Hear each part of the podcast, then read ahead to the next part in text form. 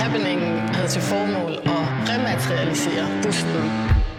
Så kommer der den her store tv-kanon op, tager fat i min arm og siger...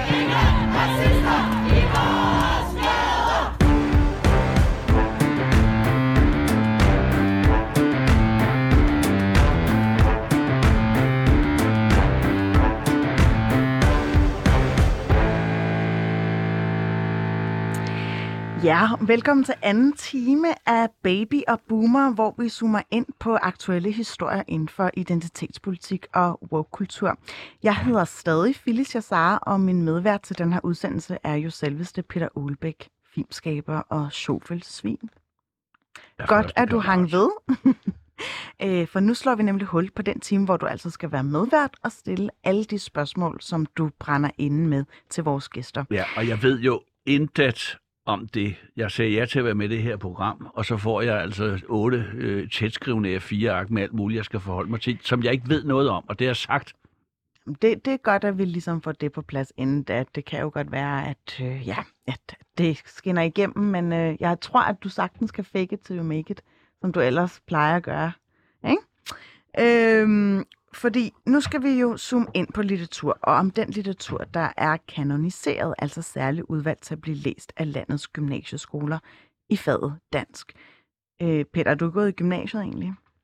Ja, jeg skal sige, jeg var tilmeldt, og med skam og melde, så må jeg jo sige, at jeg var en, ja ikke overraskende muligvis, øh, en ret dårlig elev. Nå. Øh, og det var jo åndssvagt, fordi hvor fanden har man ellers muligheden for at simpelthen at få læset så alverdens øh, smukke øh, begreber op foran sig. Mm. Og det er nok derfor, der er noget på spil lige akkurat her. Fordi siden efteråret 2020 har der været en livlig debat om danskfagets litteraturkanon i gymnasiet. I Dansk Lærerforenings bestyrelse for ungdomsuddannelser er der klar enighed om, at tiden altså er løbet fra en statsstyret kanonliste, hvoraf 13 mænd og kun én kvinde optræder. I sidste uge var der høring om lige netop det her på Christiansborg. Indtil videre har undervisningsministeren desværre afvist, at der er behov for at revidere kanonen, og vi har spurgt, om hun har lyst til at stille op her i den her udsendelse, men det havde hun ikke. Dog kan jeg løfte sløret for, at kulturordfører Kasper Sandkær har indvildet i at stille op til debat senere. Men en af dem, der også deltog i høringen, det er dig, Bjarke Fredskilde Pedersen, dansklærer på Ja. Gentofte Gymnasium og bestyrelsesmedlem i Lige nok. Dansk Lærerforening. Ja. Velkommen til. Bare lige her til at starte med, øh, hvad er der galt med den nuværende litteraturkanonliste, sådan som den ser ud i dag?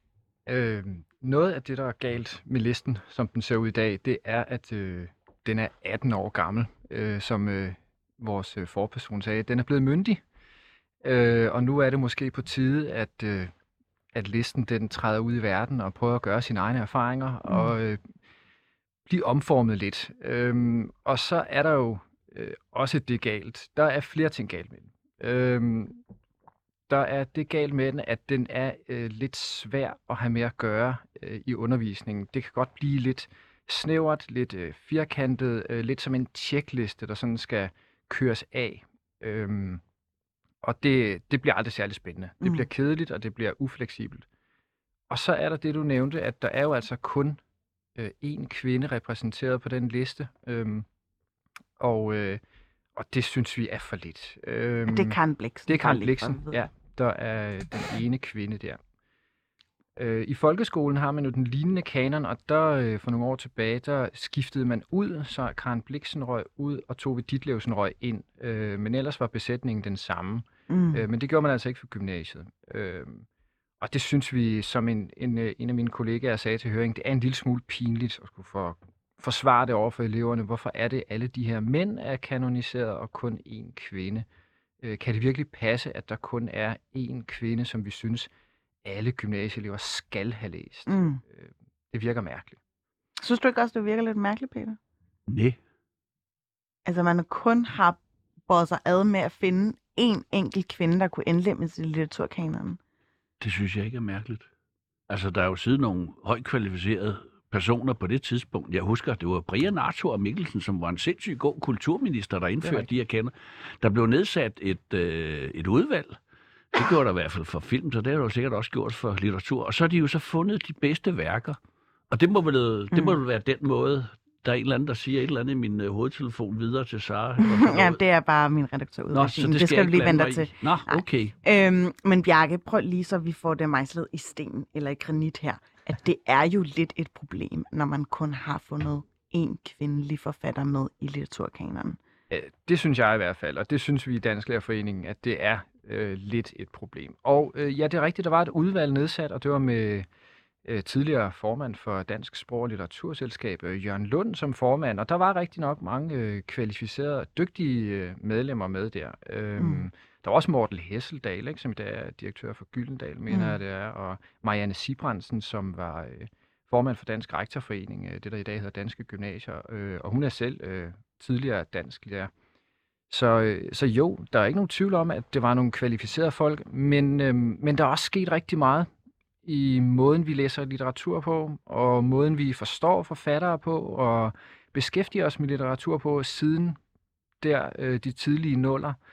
Og noget af det, der er sket, som, øh, som blandt andet Anne-Marie Maj, som jo er litteratur, øh, lektor i litter, dansk litteratur, mener det er, øh, på Syddansk Universitet, som hun gjorde opmærksom på øh, til høringen, det var, at øh, er sådan noget som selvbiografi og øh, det som øh, at skrive ud fra egne personlige erfaringer, det bliver værdsat på en helt anden måde i dag. Øh, det fylder meget i litteraturen. Der er rigtig, rigtig mange øh, store forfattere, som i dag bliver taget seriøst øh, og skriver fremragende bøger øh, ud fra deres egne øh, erfaringer og deres eget levede liv.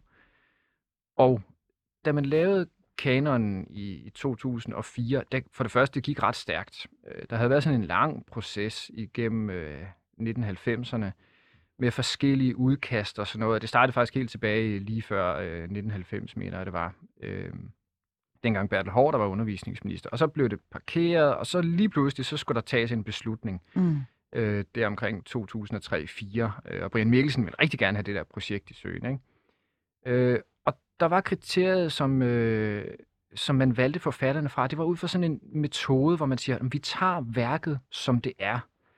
Øh, og så prøver vi at læse det og gå objektivt til værks, og så når vi frem til den bedste kvalitet. Øhm, og det, som Anne-Marie Maj gjorde opmærksom på, det var, at det kriterie med at lade teksten stå helt for sig selv, øh, uden at inddrage konteksten og historien og forfatteren bag, øh, det, det er måske ikke den...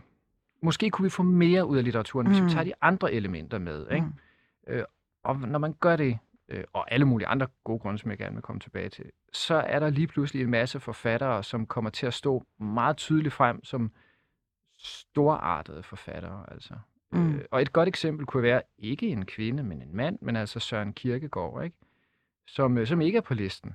Øh, og som sammen med H.C. Andersen jo er suverænt en af de mest berømte danske forfattere nogensinde, ikke? oversat til masser Mm. af sprog. Og, Men jeg vil meget gerne vælge det der med kvinderne nemlig, og det er nemlig en af grundene til, at jeg har spurgt, om Sara Alford har lyst til at være med i debatten i dag. Fordi du deltog nemlig også i høringen på Christiansborg i sidste uge.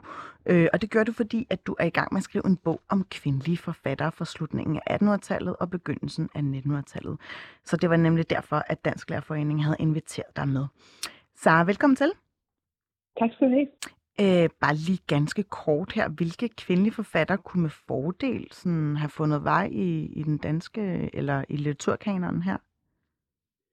Altså det overraskende er jo, at der er simpelthen så vanvittigt mange øh, kvindelige forfattere på det tidspunkt, og man kunne have taget, øh, man kunne overveje øh, Ila Christensen, der skriver, øh, så man sådan kan smage og lugte og høre øh, 1880'erne, eller man kunne tage Erna Jul øh, Hansen, som har skrevet sådan nogle vildt øh, gode og totalt skandaløse bøger om kvindelig seksualitet i 1890'erne, eller man kunne tage øh, vores øh, verdensstjerne, øh, Karen Michaelis, der, der udgav bøger, som kom i sindssygt mange oplag og blev oversat til vildt mange sprog og fyldte øh, foredragssale i hele Europa og i New York med hundredvis af mennesker, når hun holdt foredrag om sine mm. øh, bøger for 100 år siden. Mm. Øhm, eller man kunne tage Amette Skram, som øh, ganske vist er en norsk, man boede i København og har skrevet fremragende om, om øh, dansk psykiatri i 1890'erne. Altså, øh, der er vildt mange øh, spændende forfattere Mm. fra den her periode, som giver sådan et helt andet indblik i den her tid. Og nu, nu, nu øh, siger for eksempel min medvært Peter Ulbæk, at det ikke rigtig er noget problem.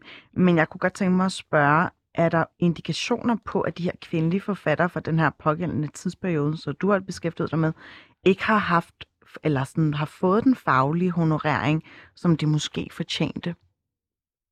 Ja, altså det, det er helt, det, det er helt altså, sikkert, at, at kvinderne blev skrevet helt ud af litteraturhistorien alene på grund af deres køn. Og mm.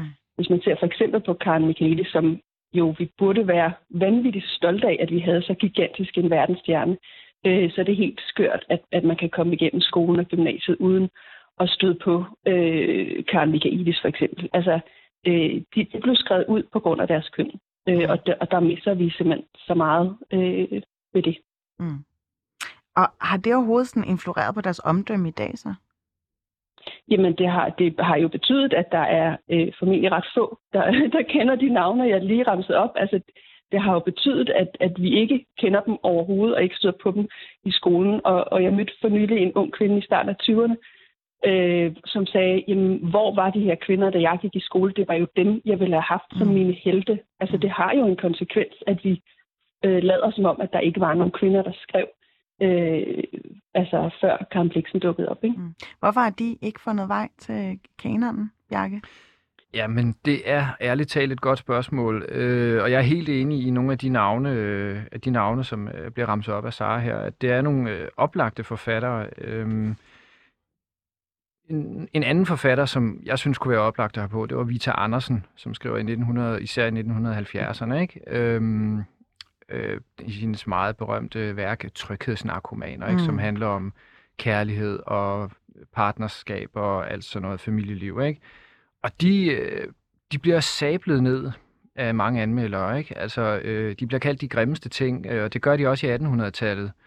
Øhm, og det tror jeg har haft en betydning, ikke? Altså, øh, at, at de er blevet så dårligt anmeldt, så, så har Men det heller ikke været som Inger smag. Christensen, som jo egentlig stod til at få en, øh, en Nobelpris i ja, litteratur. At Inger Christensen ikke er med, det tror jeg øh, er en anden, øh, det er der en anden grund til. Det er fordi, at man tog et pædagogisk hensyn simpelthen, og sagde, at det skulle for svært, ikke? Øh, Inger Christensen, hende kan, fordi den skal også kunne læses i folkeskolen. Det, mm. det kan de der folkeskoleelever ikke. Og det vil jeg også godt medgive. Det er nok lidt svært. Men i gymnasiet synes jeg, det er totalt uholdbart. Altså, hun har skrevet øh, poesi i verdensklasse, altså uden tvivl. Ikke? Det er så smukt øh, og fantastisk og nyskabende på alle mulige måder. Så at hun ikke er på kanon, det er altså simpelthen en skandale. Mm, mm.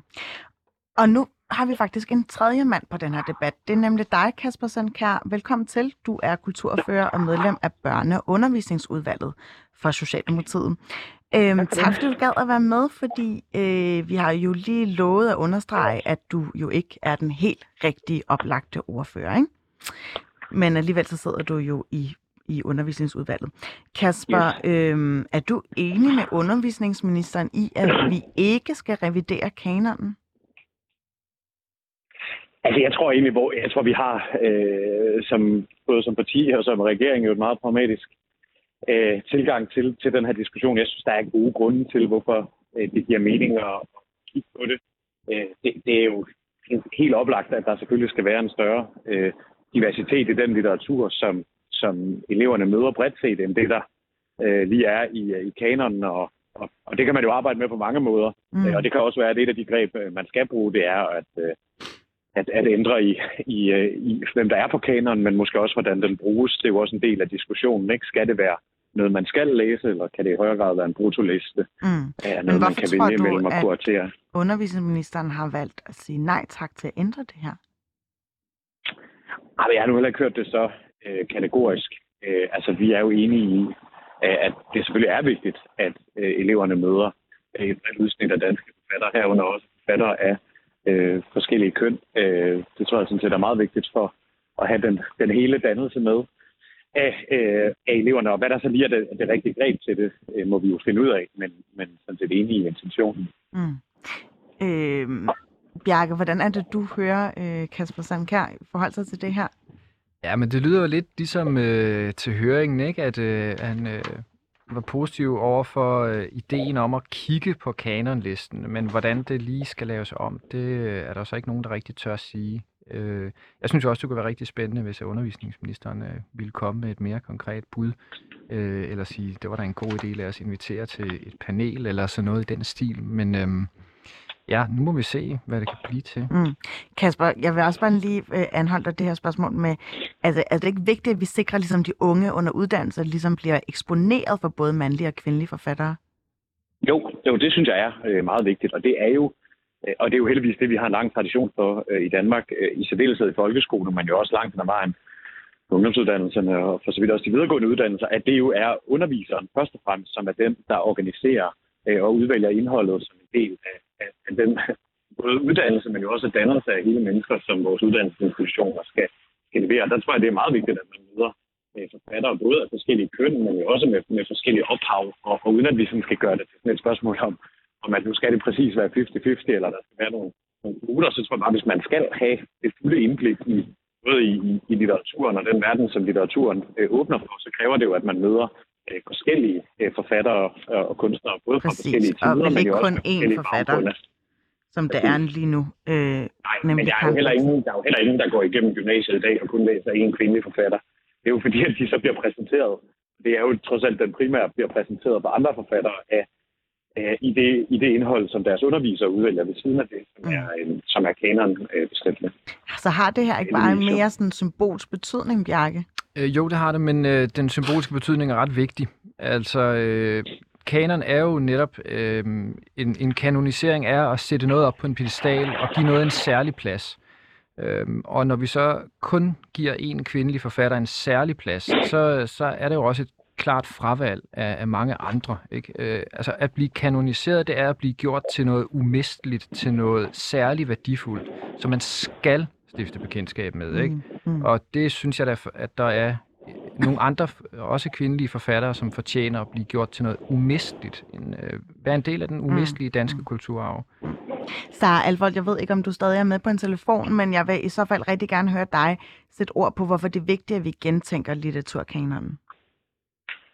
Jamen, det er vigtigt, fordi at, øh, at vi, vi går jo glip af vanvittigt meget, hvis vi skærer alle de kvindelige forfattere øh, væk. Og det giver, et, et, det giver bare et andet indblik i den tid, hvis vi, hvis vi også lytter til de kvinder, der fortæller om, hvordan de oplevede 1880'erne og 1890'erne og, og, og, øh, og omkring århundredeskiftet. Øhm, og og det, det fortæller også øh, de studerende og, og eleverne i skolerne, det, for, det fortæller dem noget andet om vores historie. Altså det ændrer jo den historie, vi fortæller dem, at der også var kvinder, der skrev, og også kvinder, der skrev om for eksempel omkring århundredeskiftet, skrev om kvindelig seksualitet, der skrev om frihed og selvstændighed. Hvad siger altså, du giver- til Kasper Sandkærs forklaring her? Jamen, det, det er jeg sådan set enig i. Øh, og jeg er sådan set også enig med... Øh, Nej, jeg spurgte det, faktisk Sara. Alford om, hvad hun ligesom, hvordan hun forholder sig til din forklaring her. Selvom du egentlig bryster dig af at være enig.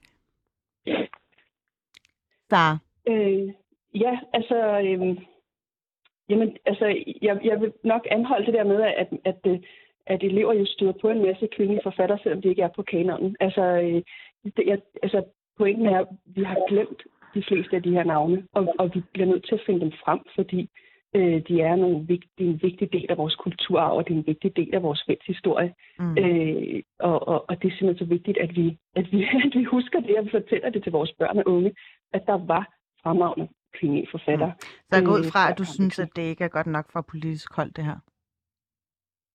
Øh, altså, vi, vi lever i en ny tid, så det, det gælder om at, at, at få hele vores historie med, og få de vigtigste med. Ja, selvfølgelig. Kasper, øh, hvad bliver egentlig den next step i den her sag? Jamen det bliver jo, at, at vi jo skal finde ud af, altså fordi det jeg jo egentlig hører bredt er, at, at vi jo sådan set er enige om, om målet, nemlig at, at eleverne møder et, et, et bredt udsnit af, af øh, de danske forfattere, herunder forfattere af, begge køn og med forskellige baggrunde.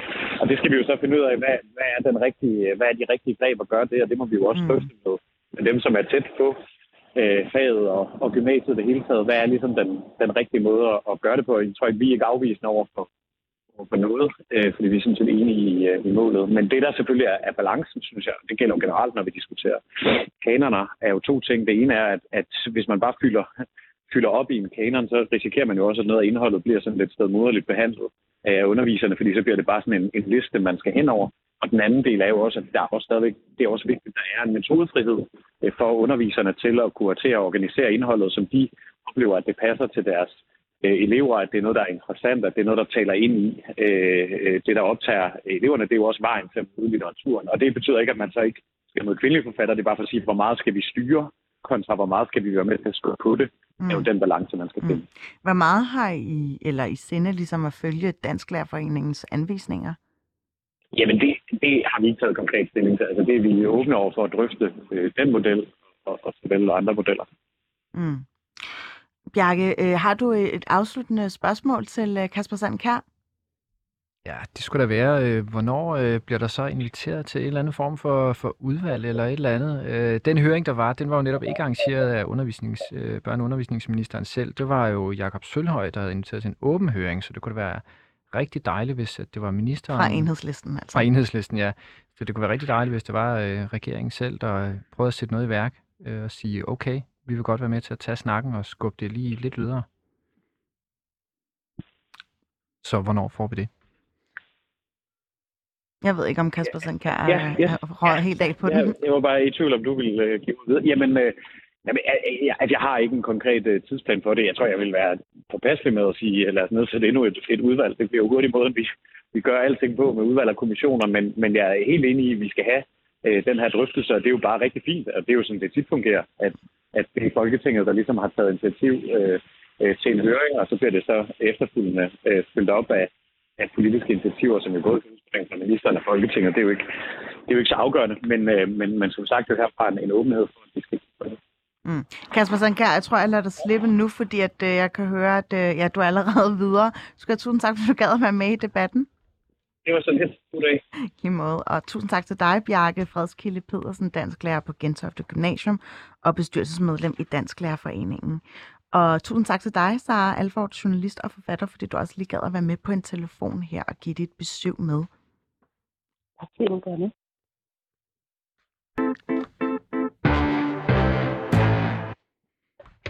Vi skal nemlig videre. Øhm, du er forbavsende stille, Peter Olbæk. Hvad, jeg har aldrig hørt dig være så musset før. Altså, det er fordi, jeg synes, det var ualmindeligt kedeligt Nå. debat, ikke? Og så kan man jo bare sætte sig over i hjørne. Det var ikke for men på dig, Bjarke. Øh, ja, øh, lad de for helvede Hvad var det, der kedede dig så 12-13 meget? bedste værker være repræsenteret i en kano, og hvis det er kvinder alle sammen, der har skrevet det, intet kunne Mm. øh, øh, hisse mig mindre op, altså. Øh, lad de bedste værker være der, men øh, alt det andet her er jo dybest set noget ævl. Så er det godt, at vi skal til noget, som er right down your alley, fordi at jeg tror, det her godt kan få dig til at blive lidt øh, opstemt. Det var godt, fordi jeg var Øh, ved at falde i søvn for ja. åben mikrofon, det skal jeg da hilse at sige. Nå, okay, men vi har jo øh, kamera på, så vi skulle nok have dokumenteret det andet sted også.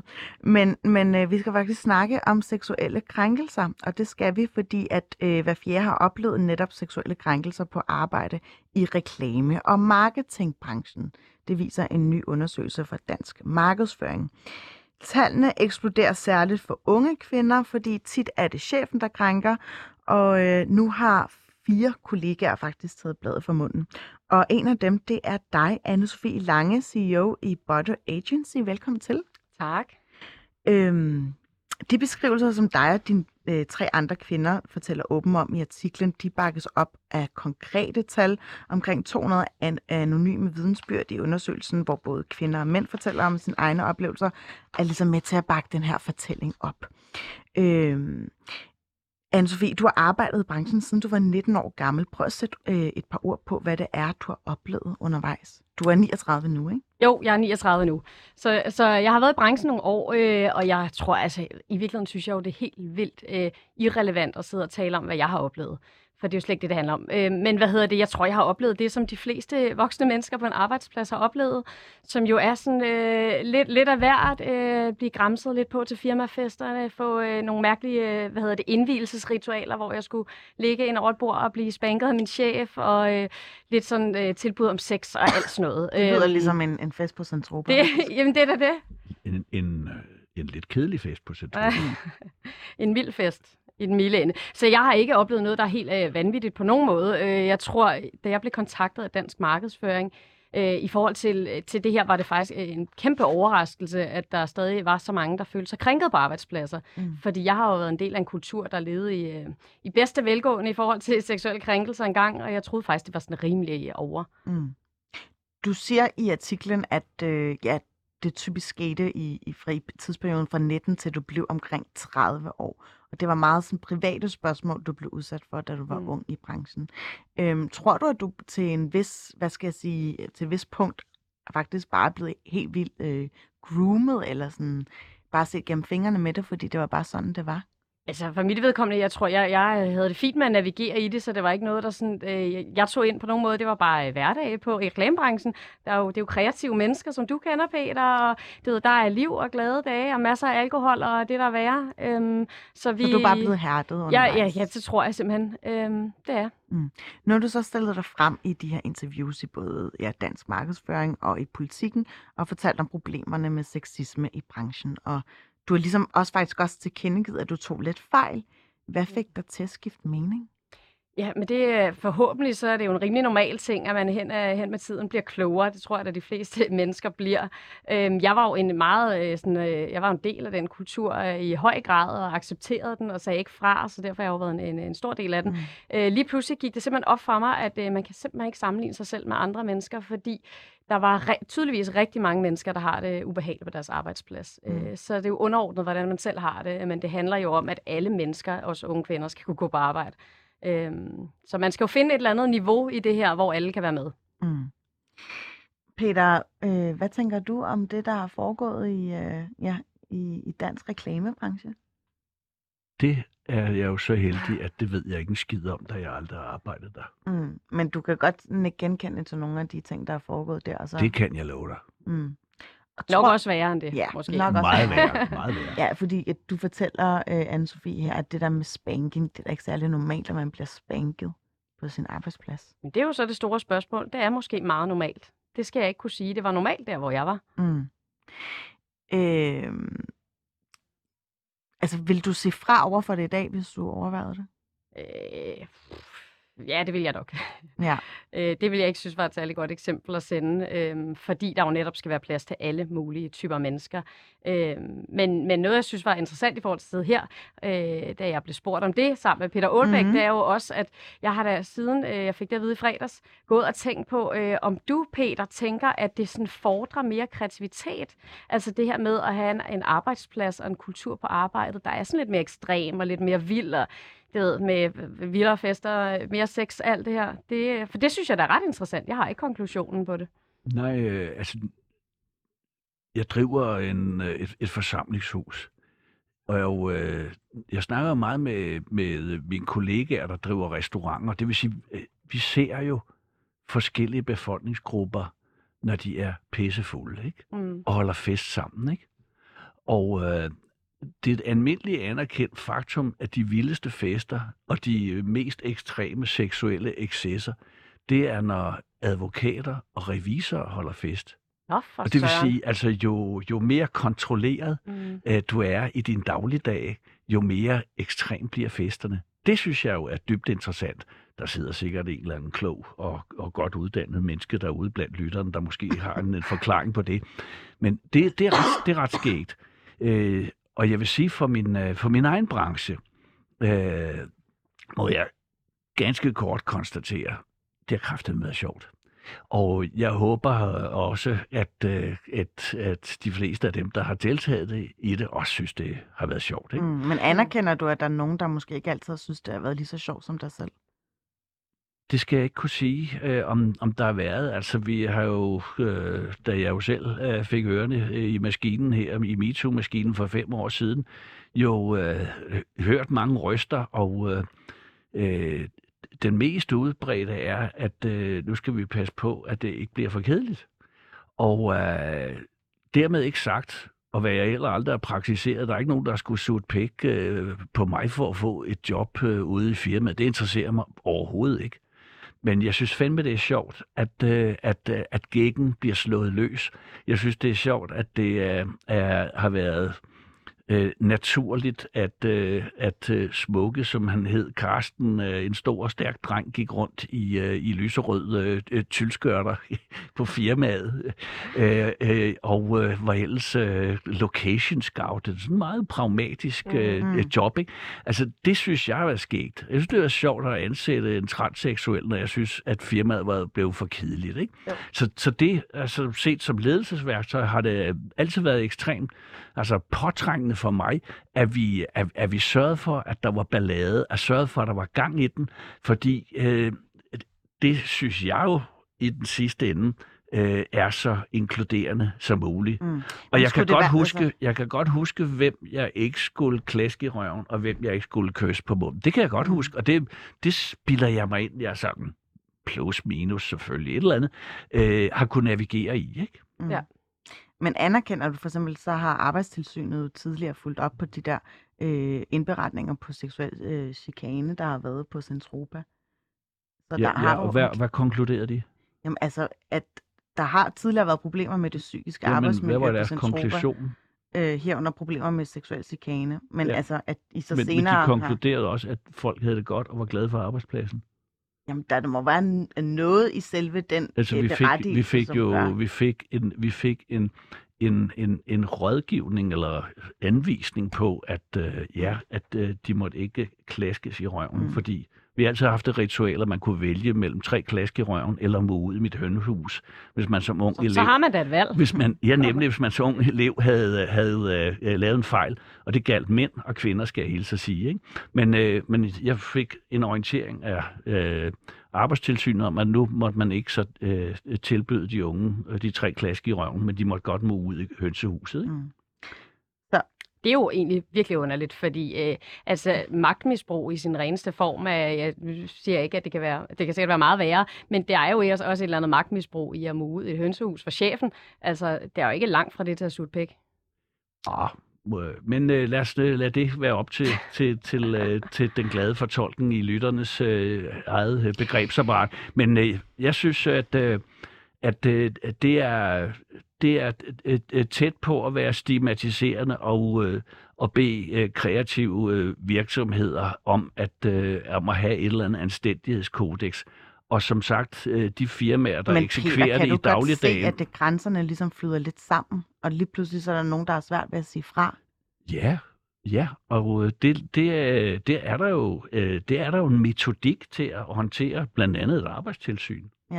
Okay. Men jeg tror, det der vil også have været øh, forskellen, altså nu skal jeg jo på ingen måde gøre mig klog på Centropa, men du har jo altid været ret åben om jeres kultur, Det kan så jeg jeg, love dig, ja. det vil jo også være vanvittigt underligt, hvis man søger job der, hvis man ikke er med på den vil jeg sige. Det, der jo er meget værre, det er jo sådan arbejdspladser. Nu var der hele den her dokumentar om TV2, øh, altså hvor øh, man ser de her tv-darlings og store værter, der øh, står frem og går hjem til konerne øh, og stryger skjorter, og så øh, knaller de praktikanterne. Altså det der med, at man ikke ved, hvad man går ind til. Man går ind på en arbejdsplads, og man tror, man bliver betragtet som et fagligt individ og ansat for sit faglige niveau, mm. men så skal man lige pludselig alt muligt andet, Mm. der slet ikke har noget med det at gøre. Mm. Øh, så jeg tænker da helt klart i lige dit tilfælde, at hvis man har søgt et job på Centropa, så har man sådan rimelig meget vidst, hvad man gik ind til. Okay, så der er slet ikke noget som helst af en kulturændring i støbeskeen på Centropa? Øh, jo, da, fordi der er jo sket det fantastiske, at jeg allerede længe inden den her øh, MeToo-debat startede, trak mig som direktør, så jeg har altså intet, der skulle have sagt. Mm. Øh, det skal jeg da helt så sige. Øh, det er jeg stoppet med, da jeg fyldte 60 for seks år siden.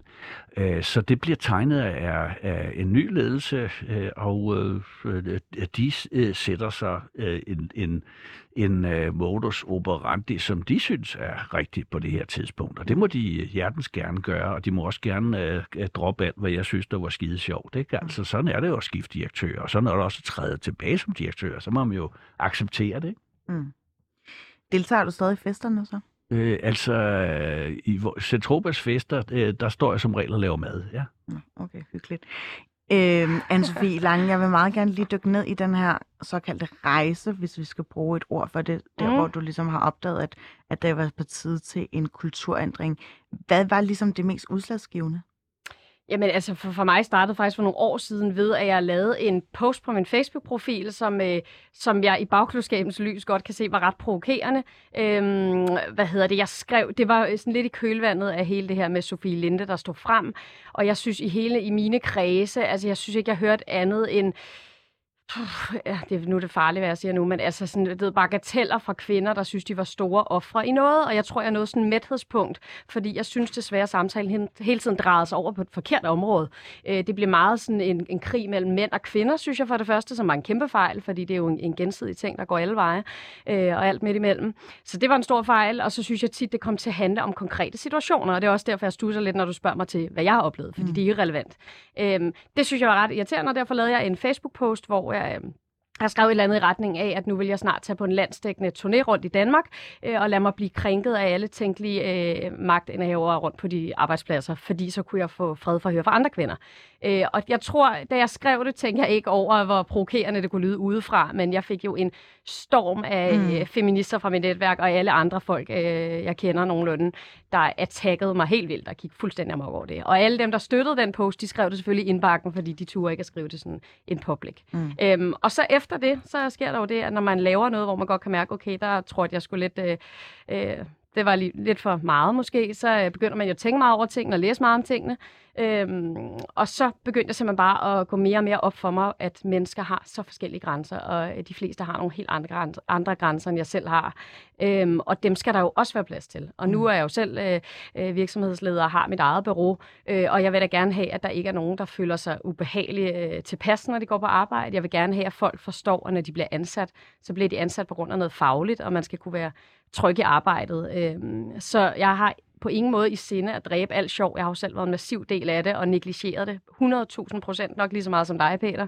Øhm, men heldigvis med tiden øh, er jeg blevet lidt klogere. Øh, fuldstændig ligesom jeg ikke spiser lige så mange røde bøffer, som jeg gjorde for 15 år siden, så, øh, så prøver jeg også ikke at træde folk så meget over tæerne. Øhm, og jeg tog ikke den der landstækkende turné og rejste rundt og blev krænket af alle mænd, vil jeg lige ja. klart. Okay, så der var, faktisk noget godt, som MeToo bare med sig? Det var der helt bestemt, og det håber jeg, der har været for mange mennesker. Øh, jeg tror også, selve dokumentaren, der jeg lige nævnte før på TV2, den var også virkelig en øjenåbner for mig. Øh, man bliver sådan lidt mindet om, at, at mennesker er forskellige steder i deres liv, øh, også når de starter øh, arbejde. Nogle kommer fra et, et, et skrøbeligt fundament, og andre kan sagtens navigere i og øh, ved, blive angrebet af chefen til firmafesten. Mm. Øhm, Peter Ulbæk, har du set den her øh, MeToo-sexisme bag skærmen? TV2-dokumentaren? Øh, nej, det har jeg ikke. Nå, det kunne godt være, at du, nu hvor du lige proklamerede den første time, der lagde du mærke til, at øh, medierne havde helt vildt travlt ved at klandre dig for sexisme, men så havde du en helt vildt stor interesse i at se, hvordan de selv ligesom baksede oh. med deres sexisme. Jeg har hørt om sagen. Nå, okay. Øhm, så, så det her med den her dokumentar, det blev mere eller mindre også et vendepunkt for dig. Øhm, hvad tror du, det næste bliver i den her rejse, hvor vi ligesom lærer at begære os på en arbejdsplads, hvor der stadig skal være plads til fløt? Der er jo rigtig mange, der møder deres øh, kommende partner på arbejdspladsen og glæder sig til julefrokosten, fordi man ligesom, som Peter selv siger, giver frit los, ikke? Jo. Jo, og det er jo det, der er så vanvittigt svært. Det er jo en meget, meget kompleks debat og helt vildt nuanceret, netop fordi, at mennesker har forskellige grænser.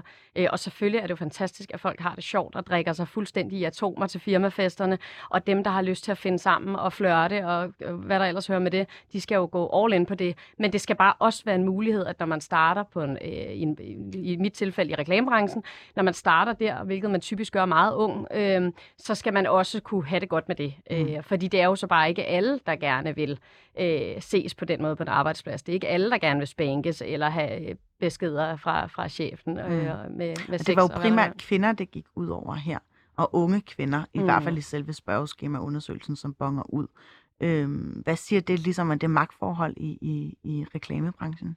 Ja, altså det, jeg, jeg ved ikke, om jeg tror på det. Jeg tror, jeg tror selvfølgelig på analysen, der er lavet. Jeg tror, det gælder alle veje. Jeg tror bare ikke, der er særlig mange mænd, der står frem om det. Det, det føles måske sådan lidt usolidarisk over for sit eget køn, hvis man står frem. Øhm, så jeg tror mere, det handler om det, men jeg tror, at det går i alle retninger. Jeg tror, der er masser af unge mænd, der også synes, det er grænseoverskridende, mm. øhm, hvis man skal ligge ind over et bord og blive spænket af 200 kolleger. Mm. Øh, nu kommer jeg til at dele ud øh, fra min egen ligesom, øh, chartek af, af, af oplevelser, men mm. jeg har nemlig selv været øh, i mediebranchen et par år, og jeg nåede faktisk at arbejde i Arnestedet for seksuelle krænkelser, nemlig Ekstrabladet. Øhm, og der blev jeg på et tidspunkt omtalt som øh, hende med de flotte bryster i en arbejdssammenhæng. Vil det være noget, hvor man, man bare skulle negligere, synes I?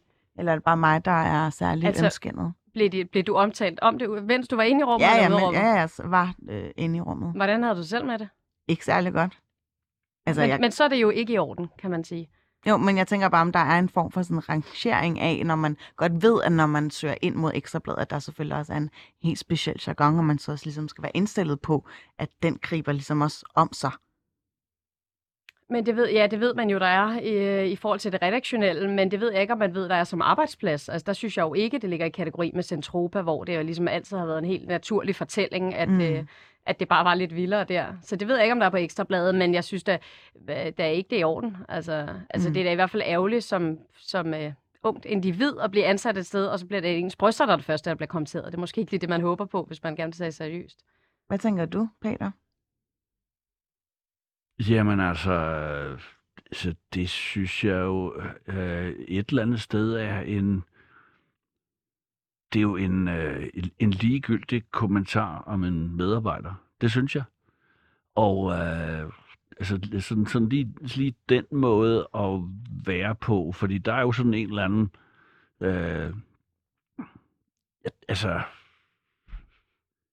så der, det, der så går der sgu øh, skurvogn i det, og så skal han sidde og sige det.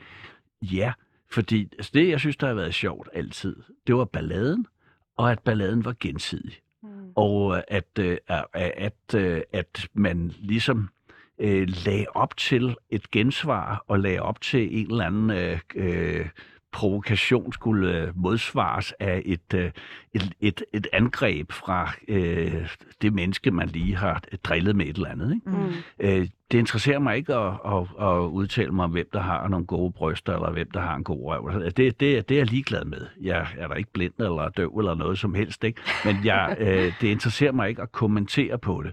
Men jeg synes, det er skide sjovt og, øh, og, øh, at være flæbet og udfaren, og jeg elsker, når jeg får modspil på det. Ikke? Det, altså, det kan jeg 100% sætte mig i. Sådan har jeg det også, men det er jo bare ikke alle, der vil, er klar på det modspil, og det er ikke alle, der synes, det er sådan komfortabelt. Og det er, jo, det er jo det, der er min konklusion, at Lige det er jo præcis. super ærgerligt i det her, og det er jo vildt svært at regne ud, når man ikke kender mennesker. Nej. Hvor er hinandens grænser for, så for, hvad der er okay og hvad der ikke er? Ja, men er det ikke sådan? Og det, det, det håber jeg da, at, øh, at man øh, kan eksekvere, at, øh, at man som chef eller ansvarlig, at man Mm. godt kan, at man godt kan altså se og styre og mærke, hvem, øh, hvem der kan tåle det, og hvem der ikke kan tåle det. Og øh, jeg skal da ikke øh, øh, sige, at jeg ikke har øh, jogget nogen over til ved nogen, der ikke kunne tåle, men jeg kan sige i hvert fald, at jeg har været meget eftertænksom omkring det. Mm. Og også prøve, når du kan mærke, at det ikke er en vej at gå øh, med det her, så, så bliver de ligesom, øh, så bliver de fredet, ikke? Mm. Altså det, det må vel være sådan, det skal være. Det er vel almindelig menneskelig omgang, at man prøver at tage en lille smule hensyn til hinanden. Men ja. det er jo ikke det samme som, at det skal være så være forbudt for mig at råbe et eller andet efter en af kollegaerne, ikke? Ja. Der øh, så synes, det er skide sjovt at røve noget tilbage, ikke? Mm. Men synes du, altså tænker du det sådan, det er øh, den andens ansvar at sige fra? Altså synes du sådan, det er lidt alles pligt at sige fra? Ja, det synes jeg egentlig. Ja. Altså, jeg synes øh, faktisk, hvis, øh, hvis vi nu ser lidt analytisk på det, så, så er det jo altså en, en nation her, ikke? Med, mm. med nogle rimelig øh, veluddannede, velbjergede øh, øh, kvinder. Det, det synes jeg må være en, en, en del af det, at man også skal kunne, ikke?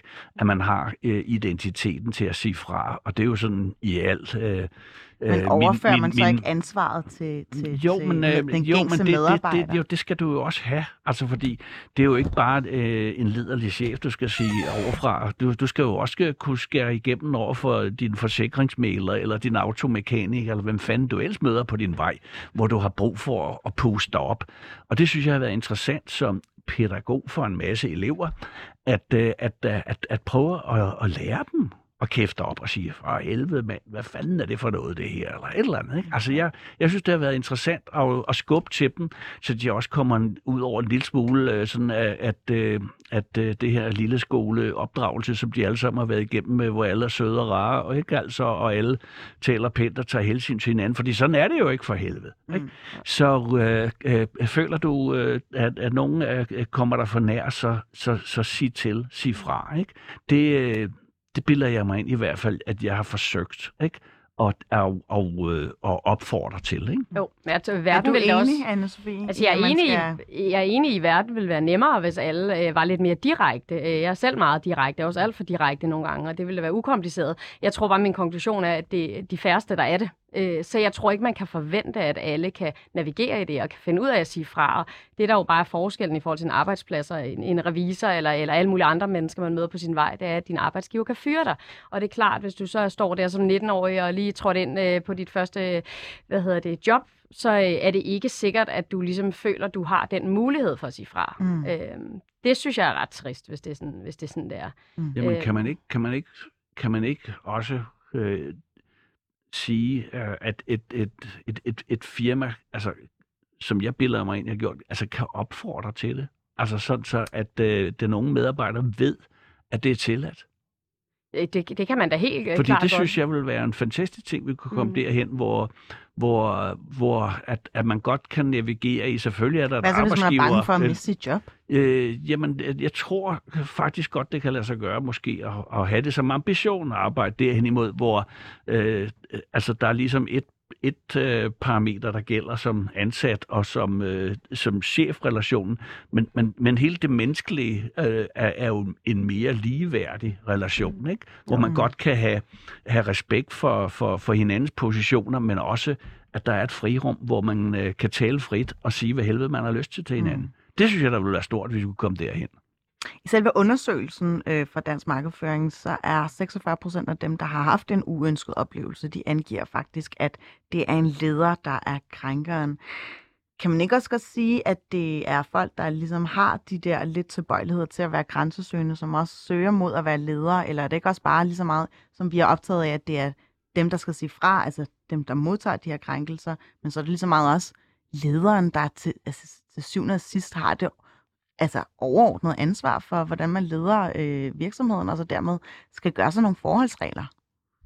Jo, man har da et kæmpe ansvar som leder, der er ingen tvivl om, men, men der er jo også i store virksomheder i hvert fald mange, øh, der leder på et eller andet niveau. Øh, der er også afdelingsledere, og, og det er jo også en kultur, der ikke kun foregår øh, mellem den højeste og den laveste. Det foregår jo på kryds og tværs. Mm. Øh, så selvfølgelig har man et ansvar som leder og kan sætte en eller anden form for sådan niveau i, i, hvad der er en kultur, man vil acceptere.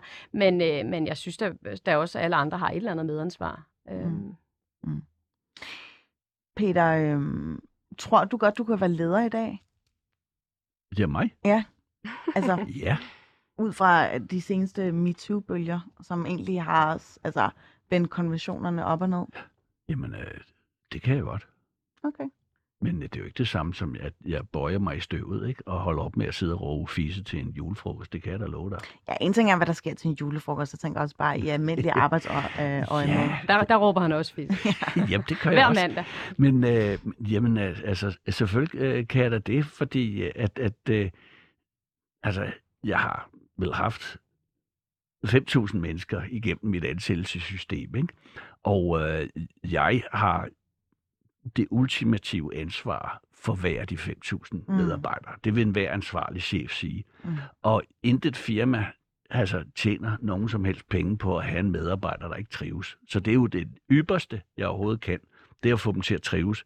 Men et af mine værktøjer har også været at give dem lov til at og, øh, og, og, og svare igen. Mm. Give dem lov til ikke at føle sig trynet. Øh, at give dem lov til at være i opposition. Ikke? Men det er jo Men tror du-. Jamen, tror du, de har fø... Altså, selvom du siger det, så vil de ture? Øh, Det kan jeg garantere dig. Altså, Okay. okay. Og det var interessant, altså, da jeg havde ørerne i, i maskinen der, synes alle, det var meget, meget synd for vores elever, men øh, de satte sig til tasterne og skrev en øh, lang skrivelse om, at de bakkede mig op, fordi de følte i hvert fald ikke, at de var blevet trynet. Men det kan jo godt være, at man bliver groomet ind i en kultur, hvor man Jeg ved ikke, hvad pludselig- groomet betyder, og du har jo nogle begreber, som sikkert er naturlige for dig, men det er ikke noget, jeg har, jeg, øh, det, jeg er ikke undervist i det. Men, men øh, altså, det er jo, altså, som leder er du jo med en masse elever, så er du jo pædagog samtidig. Og det tager jeg dybt seriøst, at, at øh, berede øh, de unge elever på, at de, at de bliver endnu bedre end, øh, end, end min generation, ikke? Mm. og har nogle endnu bedre værktøjer. Det må jeg sige. Men vil- Altså, dengang øh, den branche sådan var på sit højeste i forhold til det her, vil du synes, det var fint, hvis din egen datter som 20-årig fik sådan en som dig som chef? Vil du have det sådan helt fint med det? Jamen, altså, altså, mine døtre kan godt sige far, og de kan godt sige fra øh, med en humoristisk sans, ikke? Mm. Altså, så de ikke øh, sådan øh, skal øh, øh, klassificeres som kedelige eller snærpede. Øh, og det bilder jeg mig da ind, jeg har lært dem, øh, øh, at, øh, at, at det er tilladt at være i opposition. Hvad så, hvis de siger fra, at det ikke bliver godtaget? Er de så stadig snærpet? Altså, tæller du mine døtre Ja, eller mine altså hvis man, hvis man oplever, eller som ansat, som gængs ansat i sin tropa, dengang du var leder, og man så sagde fra, øh, og, eller gav øh, igen af samme skuffe, ikke?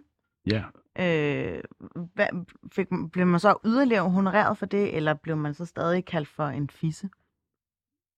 Altså, jeg, jeg synes, det er det bedste, der overhovedet kan ske. Det er, hvis der er en ung medarbejder, der står og skriger mig et eller andet ind i ansigtet og giver mig en fuckfinger, fordi jeg synes, det er dejligt, at de, at, at de slipper øh, lidt af comfortzonen, ikke? Altså, og, Mm. øh, og tør stå ved, at, øh, at de har nogle følelser.